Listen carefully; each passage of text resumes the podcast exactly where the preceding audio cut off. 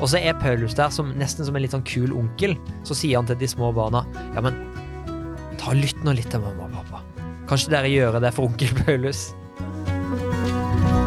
Hei og velkommen tilbake til bibelstudiet hvor vi ser på Efeserbrevet. Sist gang så så vi på eh, en litt sånn spennende og utfordrende tekst hvor Paulus eh, snakker om relasjonen mellom mann og kvinne. Og i dag så skal Paulus skal vi se på hva Paulus sier om to andre relasjoner. Men før vi går i gang og ser på det, så tar vi og ber en bønn sammen. Kjære gode far, tusen takk for at vi kan få lov å være her sammen, at vi kan få lov å lytte til ditt ord, men også få lov å diskutere og se hva du faktisk ønsker å si til oss. Og jeg bare ber om at du må fylle hver enkelt av oss med din hellige ånd, sånn at vi kan forstå mer av hvem du er, og hva du ønsker å si til oss. Det er min bønn i Jesu navn. Amen.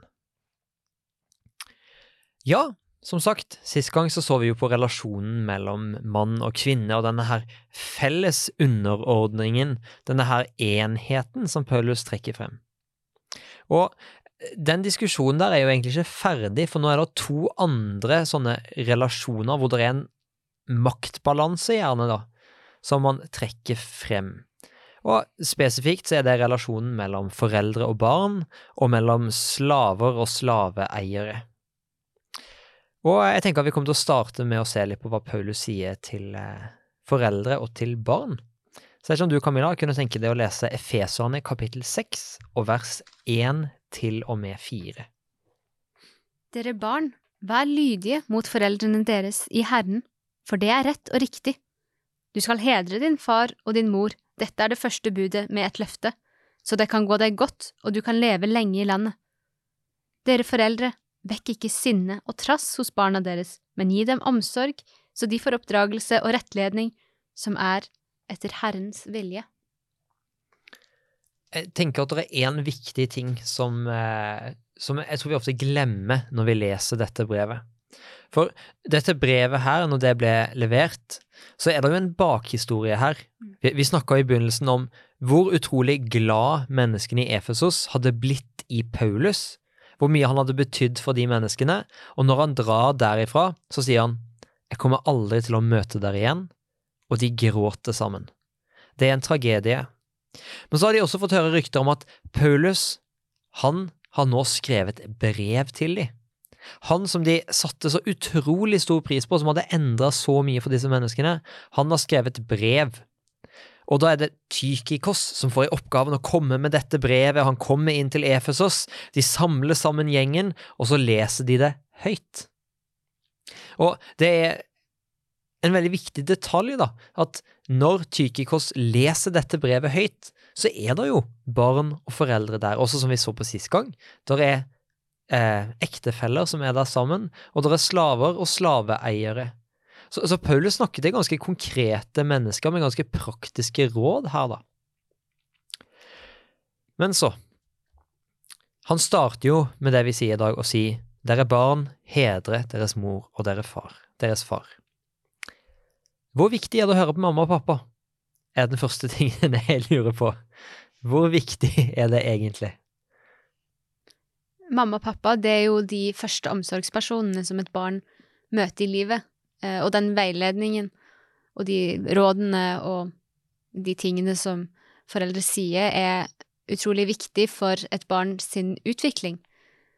Um, så det er, en, det er, en, god oppfordring til barna, det å høre på hva foreldrene sier. Men så har vi også tilfeller um, som man ser der det er foreldre som ikke er gode foreldre, uh, og som sier ting til barna sine som, som er skadelige for barna.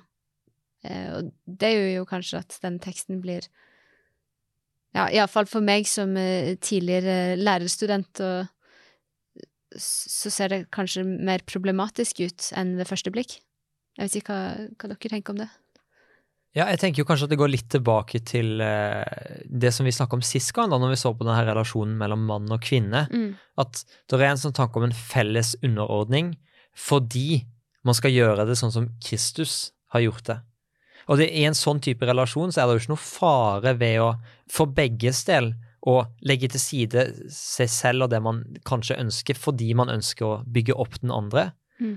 Så Paulus snakker her om et, en ideell familie der foreldrene ønsker det beste for barna sine. Og når vi går videre, så ser vi også at Paulus anerkjenner at også foreldrene har en viktig rolle her. Mm. At det er ikke sånn at foreldre bare herser i vei.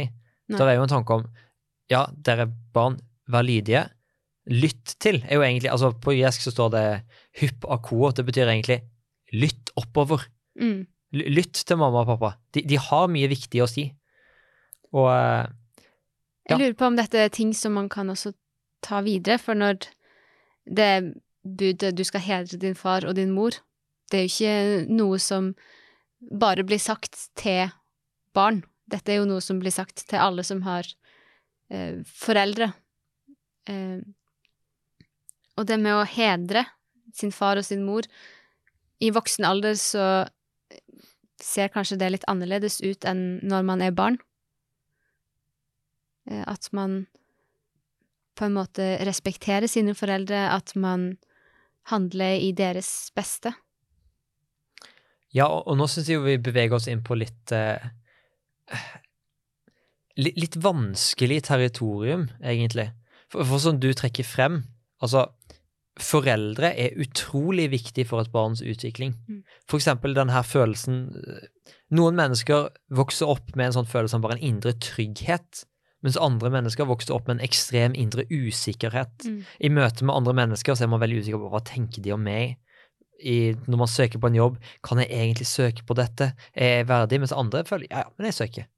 Og dette her er ting som kommer avhengig av hvordan man er vokst opp. Altså noe er genetisk, men veldig mye er også bare hva skjedde i oppveksten din? Mm.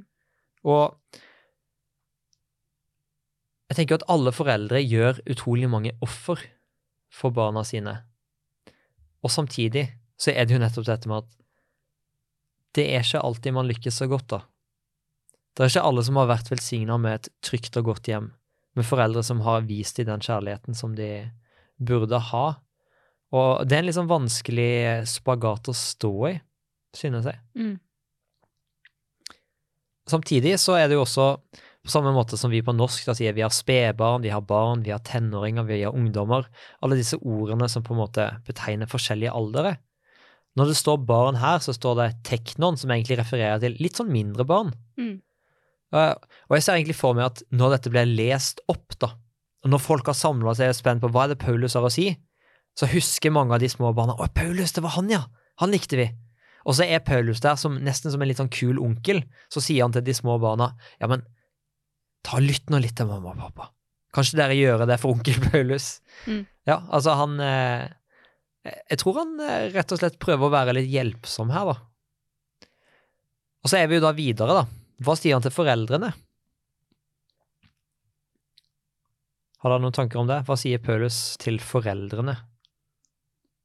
Han ber foreldrene om å ikke vekke sinne og trass. Uh, det er en utfordring for alle tenåringsforeldre. Ja, du ser altså du tenker noe klokt, Daniel. Ja. Um, men gi dem omsorg, så de får en oppdragelse og rettledning som er etter Herrens vilje. Eh, Så med alt foreldrene gjør, Mm. så la det være med omsorg eh, Mm. til deres eget beste. Så det, det kan være utfordrende. Eh, Det er ikke alltid forel- eh, barna ser det samme som eh, foreldrene. Hvorfor får du ikke spise godteri hver dag? Mm. Eh, kan jo hende at barna blir sure hvis ikke de får alt de ønsker. Men det er vel ikke det det står her, at man skal gi barna alt de ønsker. Nei, og jeg, jeg tror jo Paulus her er inne på noe gi barna det de faktisk trenger. Eh, jeg vet jo for min egen del at ja, jeg må jo si jeg har vært veldig heldig med mine foreldre, uten at jeg vil at de skal vite det så veldig, veldig tydelig. Men eh, Vi kan klippe det vekk. ja, vi, vi fikser det etterpå. Det ville vært fint. Men eh, en av de tingene som jeg alltid har fått høre veldig tydelig sagt av spesielt mamma da, hjemme, er nettopp det at samme hvilke valg du velger Om du velger, og sagt veldig konkrete eksempler på Hvis du har lyst til å gå ut på byen og feste, hvis du har lyst til å gi opp troen din og alle disse tingene Vi blir lei oss, men du er alltid velkommen hjem. Og, og i det så har jeg funnet en sånn vanvittig trygghet og omsorg, da. Eh, og jeg skjønner at eh, jeg har kanskje ikke hatt et så stort behov for å være rebell som mange andre kanskje har, men jeg har i hvert fall alltid hatt den tanken med meg, at i de situasjonene hvor man kanskje har gått litt utover det som eh, mamma og pappa har tenkt var best i oppveksten, så har jeg aldri vært redd for å komme hjem da, og møte de. Mm. Og jeg tror det kommer litt tilbake til det fokuset som Paulus har i alle de relasjonene som han tar for seg. Nettopp dette med, med enheten, samholdet. At selv når man eh, trør hverandre på tærne, selv når man er uenige, så skal vi klare å ha enhet i uenigheten, da. Mm. Og holde sammen. Ja, og dette er jo kanskje en, eh, en tale, eller en, en slags eh, melding Paulus har om den såkalte husfreden, eh, for å skape fred mellom Ja, i hjem der det kanskje er uenigheter mellom barn og foreldre, og det er slitsomt, og som det ofte kan være i et hjem med barn og foreldre der man er av forskjellige generasjoner og har kanskje forskjellige interesser, der noen vet litt mer enn de andre hva som foregår, og noen ikke føler seg forstått og sånn, så sier Paulus OK, foreldre, dere har et ansvar her. Ikke, ikke provoser situasjonen. Ikke prøv å pushe for å få barna deres til å bli sinte. Vær omsorgsfulle. Vær tydelige på at dere ønsker Mm. det som er best for Men barna. Jeg har hørt en historie eh, fra eh, hvordan sjiraffen eh, behandler sine unge når den nettopp er eh, født, eller hva jeg skal si. Eh, det første sjiraffmoren gjør, det er å, når den sjiraffungen har klart å reise seg, Mm. er å dytte den ned igjen. Og så reiser sjiraffungen seg opp igjen. Og så dytter moren den ned igjen. Og det kan jo også skje det gjentar seg gang på gang. Og det kan jo kanskje være irriterende for sjiraffungen. Men grunnen til at eh, moren gjør det, det er for at eh, eh, ungen skal bli sterk til å kunne løpe ifra løver på et tidlig stadium. Så skal vi gi barna våre eh, et enkeltliv, eller skal vi gi dem styrke til å klare dagen? Jeg tror det Paulus sier her, er Når jeg studerte pedagogikk, så er det et uttrykk som, som jeg lærte meg, som autoritativ, som betyr at man har en slags balanse mellom å ha kontroll på situasjonen og samtidig være en varm person. Um, og det virker som om Paulus beskriver litt denne balansen, Uh, fordi han sier ikke at dere, dere skal bare være snille med barna deres eller, Han sier 'vær bare snill med barna', men ikke det er ikke det eneste dere skal gjøre. Dere skal også gi dem en oppdragelse og rettledning. Eh, Så det er en balanse, men at den rettledningen og balansen som eh, Rettledningen og oppdragelsen som blir gitt, blir gitt på en måte som er omsorgsfull. For vår generasjon blir ofte kalt curling-generasjon. Og det som ligger i det, er at foreldrene på en måte eh, ja, koster foran kulen. Mm, Vi kommer til dekket bord. mm, Ja, det er jo en uh, anerkjennelse som mange av oss må gjøre, da, at vi, vi har det veldig godt. Og det, Vi det det godt. hviler jo nettopp på det som uh, generasjonene før oss har gjort, da. Mm. Vi, uh, vi for eksempel da, er jo født etter oljen ble oppdaga her i Norge, og ja, nyter jo veldig godt av det. Mm. Men jeg tenker også en litt sånn overordna ting da, med det Paulus snakker om her, er jo nettopp dette med at eh, fokuset er hele veien på som Kristus gjorde. Og så er vi tilbake til dette med å sammenfatte alt denne her enheten. Og det han sammenfatter, er jo de som eh, ifølge Bibelen er i direkte opposisjon da, mot Guds rike og hans måte å leve på. Mm. Og så klarer han ok, vi skal sammenfatte det. Og jeg, jeg tenker jo også at Paulus snakker litt her om at hvis du vil at mennesker skal møte Jesus, så er faktisk et av de virkelig store tegnene som du kan vise, og måtene du kan være et vitnesbyrd på, er jo nettopp det når man merker at her er det stor uenighet. Her er det stor kulturkrasj. Her er det mennesker som ikke snakker så godt sammen alltid. Men de klarer likevel å ha en form for enhet, da. Det å kunne leve sammen eh, på tross av eh, uenighetene er noe som eh, jeg tenker er et av kjennetegnene, egentlig, på Guds fellesskap. Jeg tenker også at det er på tide at vi tar og titter litt på neste, neste relasjon.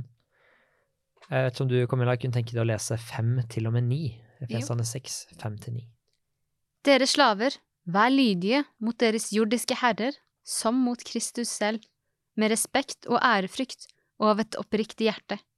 Vær ikke øyentjenere som bare vil gjøre mennesker til laks, men Kristi tjenere, som helhjertet gjør Guds vilje. Gjør tjeneste med et villig sinn. Det er Herren og ikke mennesker dere tjener, og dere vet at Herren skal gi hver enkelt igjen for det gode han gjør, enten han er slave eller fri. Dere herrer, gjør det samme mot slavene deres, bruk ikke trusler. Dere vet at både de og dere har samme herre i himmelen og kan ikke gjøre forskjell på folk. Nå er vi tilbake til en av disse her litt sånn kontroversielle tekstene. Eh, Og jeg tenker at Når vi hører ordet slaveri, så har vi veldig mye assosiasjoner til dette begrepet. Mm. Så jeg tenker at vi bare skal ta bitte litt tid og bare snakke om hvordan er slaveri på denne tiden? Og en av de tingene som jeg tenker er viktig å få frem først og fremst, da, er jo nettopp dette her med at slaveri har ingenting med rase å gjøre Mm. på dette tidspunktet. Slaveri dreier seg eksempel ofte om krigsfanger. Det kan være mennesker som eh, skylder såpass mye gjeld, eller eh, er i en sånn situasjon at de kanskje betaler for å holde seg selv i live. Sier hun. ja, ja, du kan være slaven min, så skal du i hvert fall få mat. Ja, Folk som, som møter ekstrem fattigdom, eller som er arbeidsledige. Dette er en slags arbeidsordning, eh, på en måte. Ikke veldig ideell, det er ikke noen som har lyst til å være slave, men, men det funker. Eh, og vi hører jo ordet slave veldig med den der bakteppet av den transatlantiske slavehandelen. Altså slaver som blir tatt fra Afrika til USA, eh, Sør-Amerika Og dette som foregikk på, på 1600-1700-1800-tallet og ja, tett opp mot moderne tid, som har hatt utrolig forferdelige konsekvenser. De hadde ikke helt de samme tankene om slaveri her, eh, og slaveri er ikke det samme når Paulus snakker om det, som den moderne og nyere moderne formen for slaveri. Ja, og det er også på. der det er viktig å tenke på at altså Vi, vi tenker slaveri gjerne som du har møkkajobbene. Mm. Slaveri var den gang Du kunne godt være lege, du kunne godt være lærd og ha på en måte helt vanlige jobber, Mm. men du var eid av noen andre. Mm. Eh, du kunne også jobbe deg fri. Du, du, du har mulighet til å Og det er veldig mange blir det, men det er fortsatt slaveri. Mm. Og så hadde vi vel noe som heter jubelår. Ja, men det er bare i jødisk sammenheng. Ja. Ja, det, det er riktig. Det er noe som heter jubelår i Bibelen, hvor eh, hvis jødene gikk inn i sånne her eh, Der var slaveri nesten en velferdsordning, hvor når du ikke kunne få tak i mat selv, ok, du kunne bli slave hos noen, og så skulle du bli fri til slutt. Dette var ikke nødvendigvis en ordning som var praktisert, og i hvert fall ikke i en romersk sammenheng. Så ingen har lyst til å være slave. Men det er noe annet allikevel enn det vi ser for oss.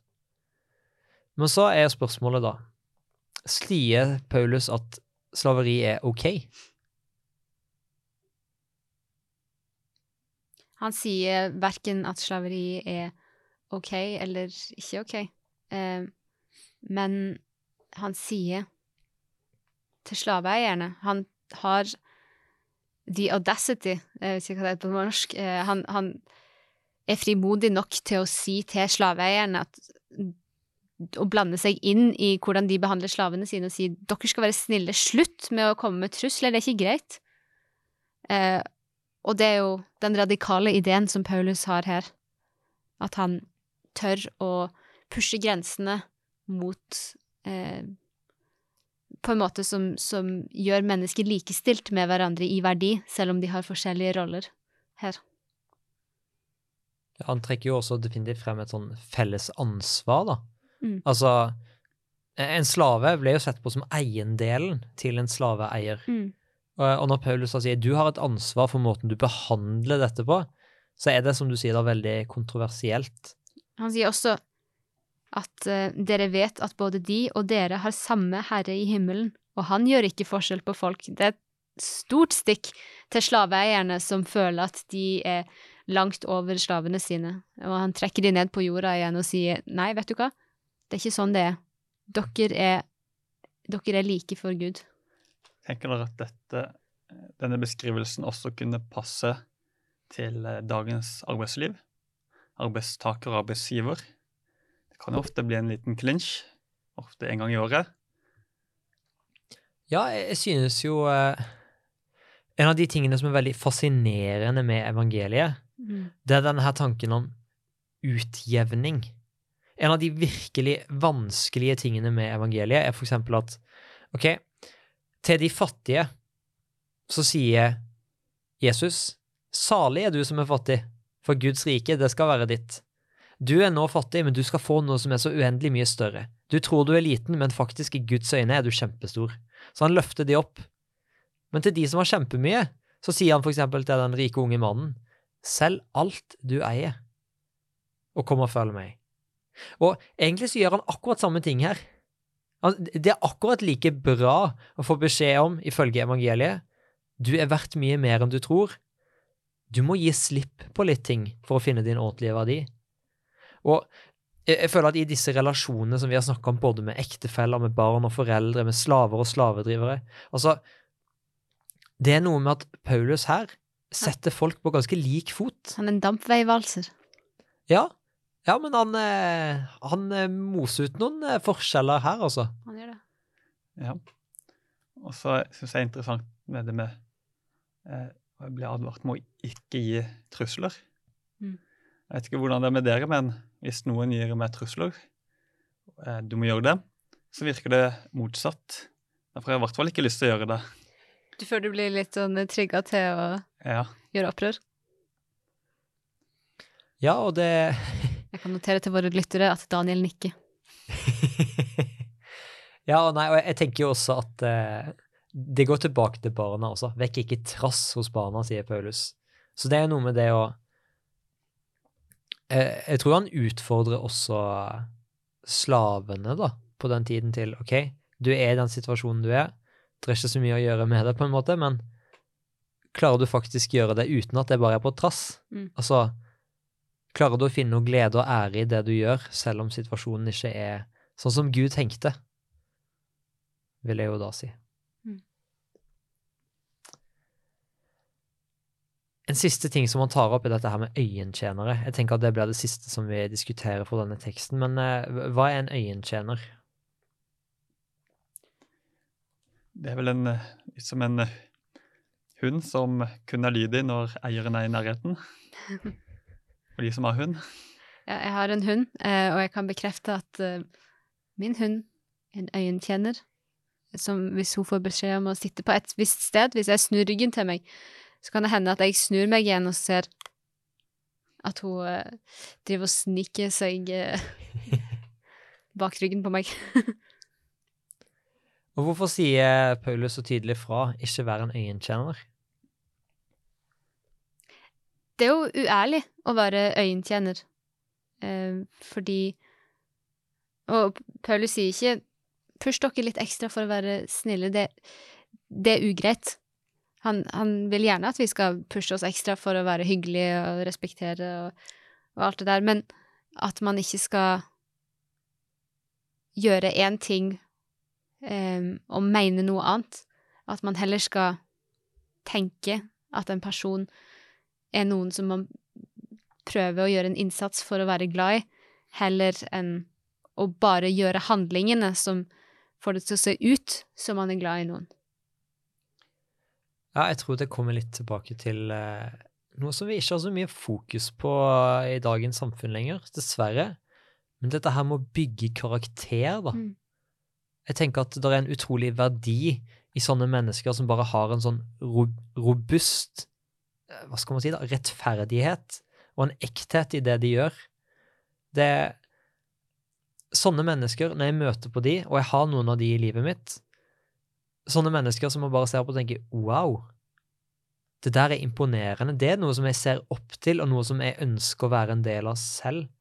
Og, og vi er jo nettopp kalt til å være sånne mennesker. Vi snakka jo i en tidligere episode om dette her med at Gud velsigner oss, og han velsigner oss til det renner over. Og jeg tenker jo dette her med øyentjenere og alle disse relasjonene, det, det handler jo litt om Selvfølgelig, livet ditt er best levd om du velger, velger å gjøre det på den måten som Jesus vil. Men du har også muligheten til å være et utrolig vitnesbyrd med en vanvittig påvirkningskraft ved det å bygge sin egen karakter. Mm. Ved det å ta de gode valgene når ingen ser, eller når du tror ingen ser. Og jeg, jeg tenker også at eh, det er noe utrolig fint når vår Far i himmelen da sier alt skal komme i lyset. Når du tar den vanskelige avgjørelsen og aldri får noe ære for det, når du velger å bite i det sure eplet i en relasjon til en, en slavedriver eller en, eh, en, forelder eller noe annet, så ser Gud det. Og han sier wow, det der er bra, jeg er stolt av deg. Og jeg syns det er noe fint med det der å bli, bli sett for det også, da. Mm. Så ja. Jeg tenker kanskje det er et eh, sted hvor vi kan avslutte for denne gang. Kunne du, Daniel, tenke deg å be sammen med oss? Gode himmelske Far, jeg takker deg for at eh, du har innstiftet familien med mor, far og barn som et eh, forbilde, hvordan, en forsmak på hvordan himmelen vil være. Må du hjelpe alle lyttere som er en familie, til å ta det til seg, at at eh, barna må være lydige, og, og eh, foreldrene ikke vekker trasset mot barna. Må du hjelpe oss til å være eh, trofaste i den gjerningen du har kalt oss til. I Jesu navn. Amen.